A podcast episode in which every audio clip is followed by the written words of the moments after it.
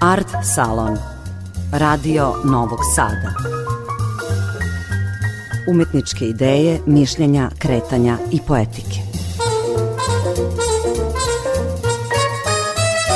Dobroveče, dragi slušaoci, ovo je Art Salon, emisija o kulturi, umetnosti i njihovim protagonistima. Ja sam Aleksandra Rajić i večeras je moja sagovornica Olivera Skoko, istoričarka umetnosti, viša kustoskinja u Narodnom muzeju u Zrenjaninu i spisateljica sa tri objavljena romana.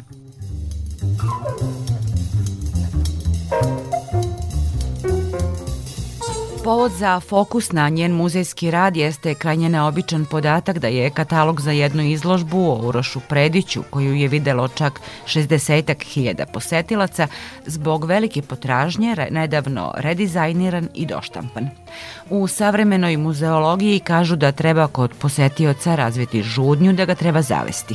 Kako to čine kustosi jednog zavičajnog muzeja, tema je našeg večerašnjeg razgovora sa Oliverom Skokom.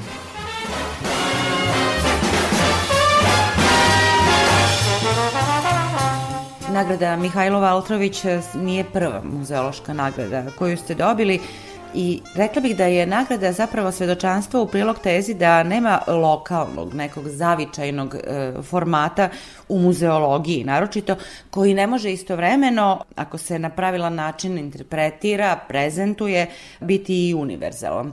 Izložba, dakle, vi ste taj Uroš Predić, vaša izložba koju ste pre nekih 5-6 godina E, napravili, koja je obišla i Srbiju i region, učinila je vidljivim i vaš kustoski rad i naravno Zrenjaninski narodni muzej, e ovogodišnja izložba za koju ste dobili, zapravo prošlogodišnja, za koju ste dobili ovu muzeološku nagradu, e, Merak mi je zaslužila je eto tu nagradu i po e, svom formatu i po broju posetilaca.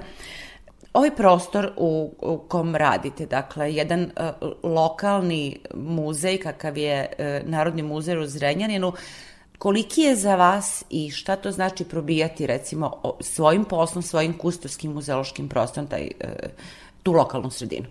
Da li se uopšte može govoriti o lokalnoj sredini kada je reč o muzejima? Da, Narodni muzej Zrenjanin jeste, kako ste rekli, lokalni muzej, e, zavičajni zapravo, on je kompleksnog tipa, postoji nekoliko odeljenja i on jeste nekako po prirodi onoga fondova svojih zapravo koje čuva i kako je organizovan okrenut lokalnoj e, zajednici I to jeste negde prioritet e, bio naravno i ljudi kada su ga previše od 100 godina i, i ovaj, osnivali u našem gradu, tadašnjem Velikom Bečkereku. Međutim, mi danas živimo u 21. veku. Prošle godine je Međunarodni komitet e, ICOM, to je naša, rekla bih, najznačajnija organizacija muzejska na globalnom nivou, usvojila novu definiciju muzeja. I ta definicija je zapravo nešto što bih moglo da recimo odgovori na vaše pitanje, a to je upravo e, ta širina i e, zapravo to neko brisanje granica. Formata Tako je, da, da, upravo, da. upravo to. Međutim, ja uvek nekako imam utisak da su nama e, jedine granice u, u nama samima, u, na, u, u glavama, u nekim unutrašnjim prosto potrebama ili sobstvenom obrazovanju, afinitetima i tako dalje. I zapravo od tih formata, kako vi kažete, nekih uh, individualnih, mislim da zavisi zapravo i način na koji ćemo da manifestujemo nešto što želimo da pokažemo. Tu se posao muzijskog radnika i uopšte kustosa uopšte ne razlikuje u odnosu na bilo koji poziv koji podrazumeva stalno, konstantno, ako ne kažem svako, da ne kažem svakodnevno učenje. Jer e, da bi moglo da se bilo šta nekako isprati, da biste vi danas mogli da se nosite sa tim nekim savremenim muzijskim tendencijama koje su definitivno e, se jako brzo menjaju i jako nas sa svih strana nekako e, sustižu ta neka naša razmišljanja, mi moramo da se okrenemo tim malo širim oblicima. Tako da meni e, je negde uvek ideja da ono što radim e, bude pre svega utemeljeno u činjenici da se radi o zavičajnom nasleđu, da je važno za sredinu u kojoj se to dešava i publici koja se prezentuje, ali s druge strane jednako mi je važno da to dobije širinu u predstavljanju, odnosno da ljudi van ovog grada vide šta je to što, što mi imamo i da na neki način iskoračimo iz tog, eto kako ste rekli, lokalnog formata. Ali i sam Zrenjaninski muzej, Narodni muzej u Zrenjaninu, ja bih rekla, ima neko kultno mesto u gradu. Ne samo e, zbog toga što je i fizički smešteno onako u centar grada, sećamo se svoje vremena otvaranja muzeja u ovom zdanju, kakva je to poseta bila izložbi koje su potom usledile i ove izložbe koje su eto prevazišle sve, sve lokalne granice. Dakle, kako vi doživljavate uh, ovaj muzej? Sami istovremeno vodite zbirku likovne umetnosti ovde u Banatu. Koliko je vredna ta zbirka? Ja bi se, baš kako ste rekli, vratila u tu 2005. godinu, kada je e, otvoren e, zapravo taj naš salon, mi ga zovemo veliki salon, ali zato što imamo i mali, ovo je dakle salon izložbeni, to je bilo na mestu i dan danas ugrađeni, to nekad zovu venac, e, čuveni, nekad je tu bilo, bio prehrambeni objekat, stari su ugrađeni se sećaju da je to bio venac, sada od 2005. to je ovaj izložbeni salon. Ja tada još nisam radila u, u muzeju, ali sam bila na tom zaista divnom otvaranju, zato što je i salon otvoren uh, upravo sa izložbom slika Uroša Predića, koju je naš muzej tada radio u sradnji sa Narodnim muzejom u Pančevu. I e, to je izložba koja e, je do sada po broju posetilaca u ovoj zgradi, znači pod ovim krovom, drži rekord. Drži rekord. Znači videlo je nešto preko 17.000 posetilaca za ma, recimo možda meseci i po dana, ako se, ako se ne varam. Naravno da su ljudi dolazili i zbog Uroša Predića, naravno da su dolazili zato što je to novi prostor u gradu, ali je to nešto što je nama, meni evo kao neko ko vodi i legat Uroša Predića i zbirku u okviru koje se on nalazi, drago što je upravo sa, sa, sa takvim velikim imenom držimo taj rekord. Naravno da s druge strane Pomenuli ste tu izložbu čiji sam ja autor, dakle vi ste taj Uroš Predić ovaj, koja je realizovana 2017. godine i koja je sledeće godine gostovala u Beogradu u Galeriji Srpske akademije nauka i umetnosti Nju je tada za tri nedelje videlo preko 46.000 posetilaca. I to je jedna od najposećenijih izložbi u istoriji galerije Srpske akademije nauka i umetnosti. Zašto ovo e, sve govorim, ove podatke? Zato što e, je upravo Uroš Predić nešto što jeste i odgovor na vaše prethodno pitanje.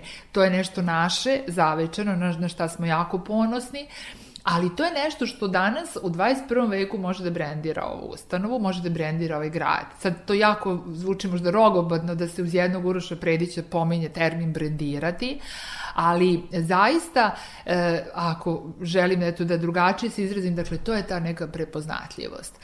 Ja nekako imam utisak, ovaj, pošto je Uroš Pedić samo jedan od segmenta zbirke likovne umetnosti koju ja vodim, meni je nekad žao što ne, e, imam s jedne strane obavezu da se bavim njegovom likom i delom, a s druge onda nekad ostali segmenti budu manje vidljivi i ja ne stižem da, da se jednako posvetim, ali s druge strane nam je to negde i obaveza da kada imamo taj legat kao jedina ustanova zaštite u zemlji, da zapravo stalno i konstantno to promovišemo i podsjećamo. Šta zapravo ta zbirka likovne umetnosti koju vodite govori o Banatu danas? Kako je posmatrate i, i kako je u nekoj savremenoj muzeologiji interpretirati? Ona zapravo uh, predstavlja jedan evo da kažemo onako krajnje konzervativno-hronološki tip e, presek zapravo od 18. veka, sredine 18. veka kada su se ovde pojavili ti putujući slikari, izografi koji su nam ostavljali ikone, e, dakle religiozne kompozicije na kojima se redko ko od njih uopšte i potpisivao, tako da osim tog nekog datovanja mi nemamo mnogo e, podataka o samom autorstvu, ali imamo i neke na koje jesmo ponosni poput ovog tih carskih dveri Šerbana Popovića iz sredine 18. veka koje se nekada nalazila u staroj crkvi ovaj, u Ečki nedaleko od Zrenjanina. Pa onda je tu, znači, onaj čitav 19. vek sa galerijom portreta, sa jednim Konstantinom Danilom, sa ovaj, naravno porodicom Aleksić, imamo bukvalno slike svih članova, najpoznatiji je svakako Stevan Aleksić, ali tu su i njegov otac Dušan, njegov deda Nikola Aleksić, imamo i radove čak njegovog brata Ivana koji je bio sveštenik u Modošu, Naravno, Uroš Predić, Paja Jovanović, tu je naš pomalo zaboravljen Aleksandar Sekulić, u stvari on nije toliko zaboravljen s naše strane, mi ga pokušavamo i da, da ga i kroz stalnu postavku i povremne izložbe predstavimo, ali je on nekako van našeg grada nije toliko skrenuo pažnju. I imamo te legate pored Uroša Predića, to je Tiva Darvanjek, takođe ta takozvana naša ženska soba, kako koje mi zovemo, e, gde su dve slikarke, dve vajarke, Zapravo, čitav prvi sprat e, ovaj, obuhvata ta zbirka likovne umetnosti u kombinaciji sa zbirkom primenjene umetnosti. Dakle, vaš posao je, ja bih rekla, jedno onako mešovito društvo nekih e, e, duhova i nekih savremenika, mislim na i ovaj savremeni trenutak u kome postojite, u kome radite, kojim se muzeološkim i kustovskim principima vodite kada razmišljate o izložbama, a u proteklih godina ste nam prikazali zaista vredne izložbe. Ja bi uz ove dve, e, ovu prošlogodišnju i ovu Uroša Predića izdvojila svakako izložbu Vase Pomorišca. Pa evo, hvala što ste eto, izdvojili te izložbe i one jesu negde obeležile i moj kustovski rad, ali naravno ja to prosto nekako volim najviše da, da radim u srednji sa svojim kolegama i u, u samoj ustanovi, ali posebno je e, draž sarađivati i van ustanove, ako imate u mogućnosti privatne kolekcionare, koji imate u mogućnosti i e, druge muzeje i galerije.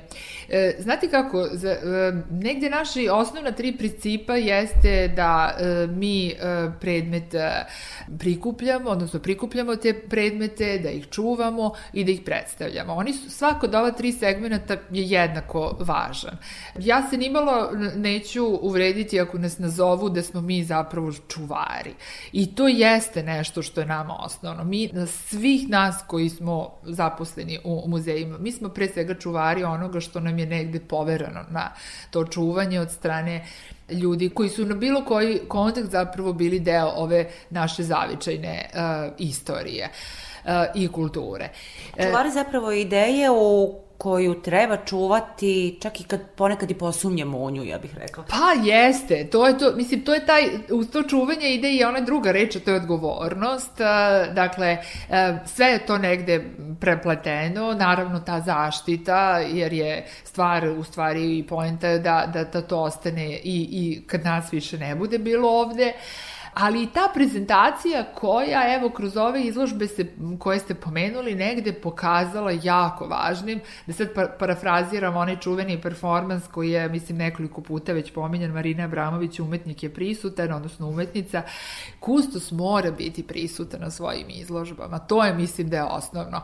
Nekad se, znate, kustos e, doživljavao kao osobu koja je uradi zaista veliki, važan, e, vredan posao, otvori se izložba i tu se kao posao kustosa završava do trenutka dok se ta izložba ne skine, odnosno ne, ne, ne dođe potreba da se zameni nekom novom.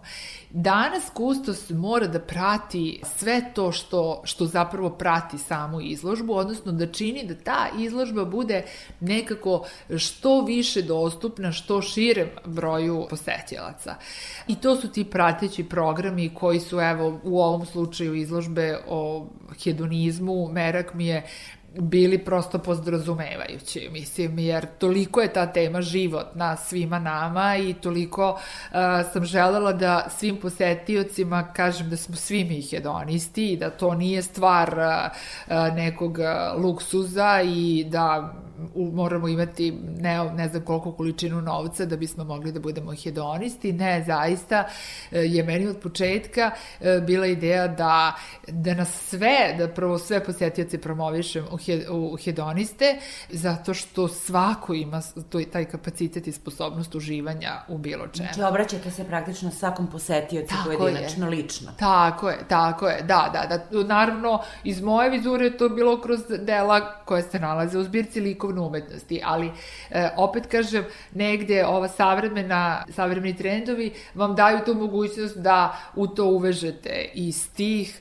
i muziku, i neki predmet koji svako od nas ima priliku da, da vidi, tako da je to na kraju, eto, mi sama činjenica smo imali kafanu u muzeju, je nekako ljudima odmah i da čujete neke tamburaše dok posmatra postavku, je ljudima bilo vrlo blisko i nije muzej nešto što treba da ih odbije i kao tamo ne znam šta će da mi rade otprilike. Ako se ne varam, vi ćete me ispraviti, našla sam jedan podatak da ste jedne godine u Zrenjaninu izabrani čak i za ličnost godine, ako se to tako zove. Sve, dakle, potpuno jedan nadrealni podatak da jedan kustos bude ličnost godine, ali ja bih rekla da to govori zapravo o našim predrasudama, o tome da mi kulturu doživljavamo kao nešto nevažno, kao nešto što ne čini naše živote kao, i uopšte humanistiku doživljavamo kao nešto nevažno. Ispostavilo se da je kultura ipak jedan važan segment uh, naš, naše svakodnevice. Da, meni je nekako jako teško da, e, da mislim drugačije, odnosno da mislim da kultura e, je manje bitna, manje važna, zato što ja kulturu doživljavam pre svega kao konzument kulture. Mislim, ja volim da idem na, na kulturne događaje i to je ono što, što je rekao e, profesor Mihajlo Pantić, kad je čitanje i pisanje u pitanju, svako onaj ko piše, a ne čita, radi uzaludan posao. I ja zaista mislim, mislim, mislim da je, neko ne može da kreira kulturu, a da i sam ne bude posetilac raznih kulturnih događaja. Ja teško mogu da se pomirim sa činjenicom da kultura nije važna, jer ja nekako živim tu priču svakodnevno, I to zaista sa tim izborom, to je Lise Zrenjanin zapravo u nekoliko kategorija, ja sam u, sam u toj kategoriji za kulturu i puno je, je naravno kvalitetnih, ja i dalje mislim da ovom gradu i ima jako puno vrednih, kvalitetnih, sposobnih, stručnih ljudi. Nažalost, jako veliki broj njih je i otišao iz ovog grada, ali mislim da i dalje imamo ljude koji mogu da učestvuju u tom kreiranju i onda u jednom momentu kad to tako vas eto čitaoci to proglase, meni je u suštini fascinantno da, da je to dolazi od nekih novina, da ljudi i dalje e, to se ono ne znam, zaokru, seče se kupon, lepi se, šalje se, mislim kako da vam kažem, na to morate biti... Da imate biti tu povratnu informaciju pa, zapravo da, o svom radu, što da, je bitno. Da, da, da, mislim, hvala, naravno, to, to je baš onako, kažem, zahvalna sam na sam taj, sam postupak uopšte glasanja, a eto, verujem, mislim, stvarno imam divnih ovaj, e, kolega po drugim ustanovama kulture koji jako dobro rade i eto, samo bih voljela da, da, da se ne umorimo, a to uvek postoji mogućnost, da, jer je to svakodnevna neka borba, upravo ono što smo pričali je to i negde na početku, a to su te granice koje ponekad usmemo, postavljamo sebi ili koji nam postavljaju drugi. Ako nije prerano govoriti o čemu sada razmišljate kada planirate da prezentujete e, svoju zbirku? Pa evo, ja se nadam da ove godine imamo zaista e, neke nakon zanimljive jubileje, godišnjice, za mnoge ove slikare koje sam pomenula kada sam i govorila, ali ono što bih volela jeste i to mi je sad nekako zanimljivo da se pozabavim e, radom slikarke o kojoj se ne zna mnogo, a koja e, je onako zanimljiva. U pitanju je Mirina Nikolić Pećinar. Ove godine se navršava 100 godina od njenog e, rođenja. Ona je u našem gradu se obrazovala i išla u osnovnu školu, u gimnaziju, kasnije u Beograd bila na akademiji, tamo je živela i umrla, ali ima imala je e, želju da deo njenih slika dođe, dospe kao poklon u našu ustanovu, tako da je pre par godina njena čerka, eto, uslišala tu želju svoje majke i poklonila nam nekoliko e, radova. Mi smo imali takođe nešto i volela bi da napravim izložbu gde bih otprilike upravo stavila taj akcent na, na eto, slikara koji e, je neke prve korake napravio u ovom gradu na Begeju, a, a, posebno ta saradnja sa porodicom je uvek e, dragocena. Vi ste pomenuli malo pre izložbu Vase Pomorišca, moja koleginica Ivana Arađan i ja smo je realizovale pre par godina upravo u saradnji sa sinom Vase Pomorišca. Zapravo najveći deo izložbe jeste bilo privatnog vlasništva i ta saradnja sa porodicama je uvek jako dobra i važna, jer onda publika ima priliku da vidi ono što inače ne nema u ovaj obilazeći muzeje i galerije. I dodatno daje neku ličnu o, intimnu notu celoj priči, jer uvek uz sliku a, i crtež ili neki predmet vi dobijete i neka divna porodična sećanja. Tako da to nešto očekujem i ove godine da bi moglo da bude. A, a vi ste s druge strane pomenuli Mihajla Pantića, čitanje, pisanje. Oni koji su revnosniji čitaoci znaju vas i kao spisateljicu. Ima jedna zanimljiva pojava, a to je da e, pa izvestan broj kustosa, evo mogu da ovako iz glave da ih nabrojim nekoliko, i Nebojša Milenković i Danilo Vuksanović, ja sam razgovarala sa Čedomirom Janičićem, prosto osjeća potrebu da piše. Dakle, e, odakle ta potreba da se izađe iz ovog i uđe u neki drugi jezik? Sad bi neko onako rekao, pa vjerojatno ne radimo ništa u muzejima, pa nam je dosadno. I onda kao, eto, svoje radno vreme koristimo da bi pisali, jer imamo ovaj, takve uslove da se inače u muzejima ništa ne dešava i tako. Mislim, ja zaista verujem da ima ljudi koji to misli i prosto to je tako. A, ja imam, ovaj, ne, znam ko, ne znam koji bi mogle, s koj, kakvim odgovorom da odgovorim, da se ne vratim na, na opet na svoje neko detinjstvo i to neko, neki početak a, a, pisanja kod učiteljice i on, znate kako će to ide s tim pesmicama, pa onda krenu neke priče i tako dalje. A nismo svi postali pisci. Pa dobro, ja iskročeno i dalje, evo imam ta neka tri romana iza sebe i teško sebe i dalje nazovem piscem i kad trebam nešto i da se potpišem ili prosto mi je jako to nekako još neobično. Nažalost, ne mogu da stignem onoliko koliko bih volela. Evo, i posle ove tri knjige ovaj, nekako imam utisak da mi ostaju još taj neki dug nekih promocija, pre svega prema Novom Sadu i Beogradu sa ovom poslednjom knjigom Magareće uši, koja je objavljena 2019. godine i onda je bilo ono, krenuli smo s lepim promocijama u Zrenjaninu, u Kikindi, u Novom Bečeju, dogovorili ma, uh, Novi Sad i Beograd i onda krenula naravno ta korona i sve to. I onda sam ja nešto mislila da je ta priča zapravo završena sa tim promocijama, međutim prošle godine se opet nekako sve to uh, vratilo i zaista je bila divna promocija u Herceg Novom u kući Ive Andrića i taj osjećaj uh, ima onako u tom dvorištu, vrtu Andrićeve kuće, prezentovati nešto što ste napisali Eto, to bi možda bilo nešto najsličnije osjećaju da sebe e, nazovem piscem i, i ta zapravo čast koja mi je učinjena. Uglavnom, pokušavam da to nekako spojim sa, sa kustoskim radom, odnosno ne da spojim, zapravo baš da razdvojim, ovaj, u smislu da, da to bude nešto što je moje, lično, ali ovaj, vidjet ćemo u kom to smeru će sad ići. Da, Magareće uši su jedna izuzetno lična i emotivna e, priča. Prethodne knjige su bile neka mesta vaše lične geografije. E sad, koje su to sve mesta vaše lične geografije uz naravno ovaj Zrenjanin i Banat koji je neizostavan, naravno? Ja, pa da, ovaj, pa to je taj Mediteran. Ima ona divna uh, rečenica, ovaj, parafrazirat ću Predraga Matvejevića, čuvenog pisca koji je napisao onaj mediteranski brevijar, zaista jedno koja je na mediteranska Biblija, rekla bih, i gde on kaže kako ljudi sa Mediterana zapravo doživljavaju taj svoj prostor kao jedini prostor na zemlji i svoju istoriju kao jedinu istoriju na ovoj planeti i ja tako nekako imam utisak da ja, kako ste rekli, u toj svojoj nekoj ličnoj geografiji uopšte ne bi imala, nemam želju ni potrebu da pređem granice tog Mediterana, ne bi nigde nešto ni volela da drugde živim nego u tom nekom ovaj, uh, području, a dok se ne desi da zaista odem, kao što maštam i sanjam o tome, na neki duži period pored ovaj, te vode, uh, eto, umesto toga pišem. I to jeste taj, ovaj, uglavnom taj Jadran, taj južni, srednji deo Jadrana u prvom tom romanu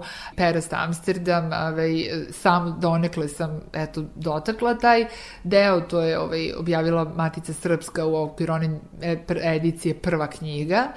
A onda je taj kočulanski džir malo više zaronio u tu, u tu vodu, uh, sada sa... I zapravo i vas promovisao kao pisca. Pa jeste, da, da, da. To je stvarno su bile lepe promocije, i u Novom Sadu, u Galeriji Matice Srpske i, uh, i u Beogradu, u Perastu, na Korčuli, u Herceg Novom takođe, onako i u nekim gradovima još po, po, po Vojvodini, Srbiji. Imala je nekako baš, baš lepo ovaj, život i ja sam tako, eto, s tom knjigom proputovala i zaista svuda sretala ljude koji na sličan način imaju te osjećaje prema Mediteranu i toj ovaj vodi kao ja, recimo.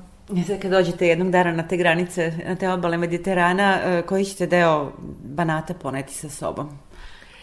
Pa, e, da, sve što više nekako sabiram te godine svoje, sve nekako imam utisak da, je, da je taj paket sve veći zapravo, jer negde moji koreni su iz e, onako u tim kršnim krajevima, istočna Hercegovina, e, opet to je ta voda, taj, ovaj, kaže, Mediteran koji volim, ali ovaj Banat i ova Vojvodina je mesto mog života, odrastanja, obavljanja posla i tu su svi ljudi koji su mi važni zapravo su ovde. Tako da nekako imam utisak da čovjek tokom života puno luta na ovaj ili onaj način, zaista fizičkim prisustvom, odsustvom. Ili pisanjem, da. Ili pisanjem. Ili izložbama. Tako je, da, da, da. Ali e, nekako taj dom, ne kuće, nego baš dom koji negde napravimo u, u, u sada u ovim godinama eto, u kojima se nalazi, mislim da je to nešto što nas ipak uh, najviše određuje.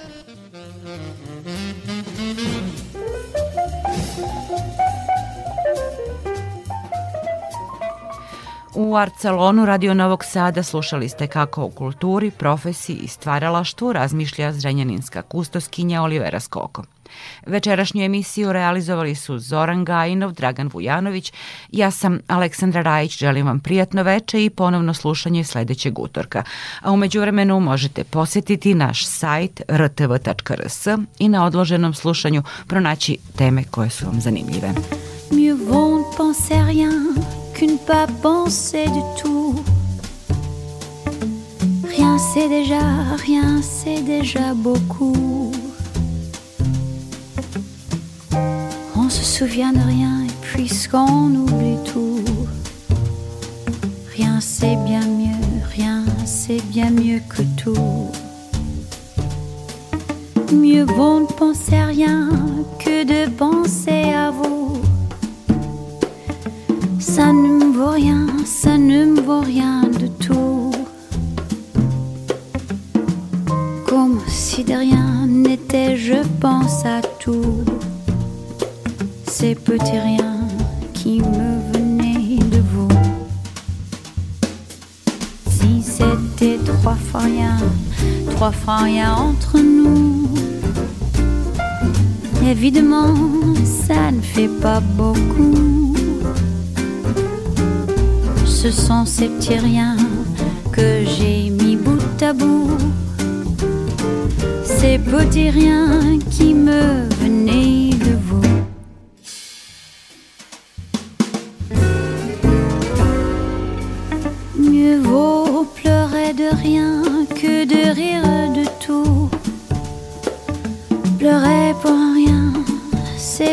beaucoup.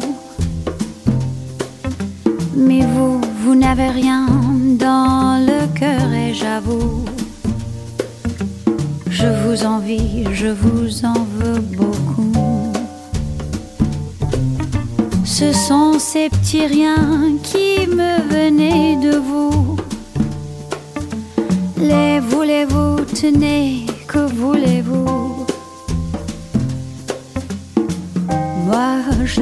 Rien au monde, plus rien de vous. Pour être à vous, faut être à moitié fou.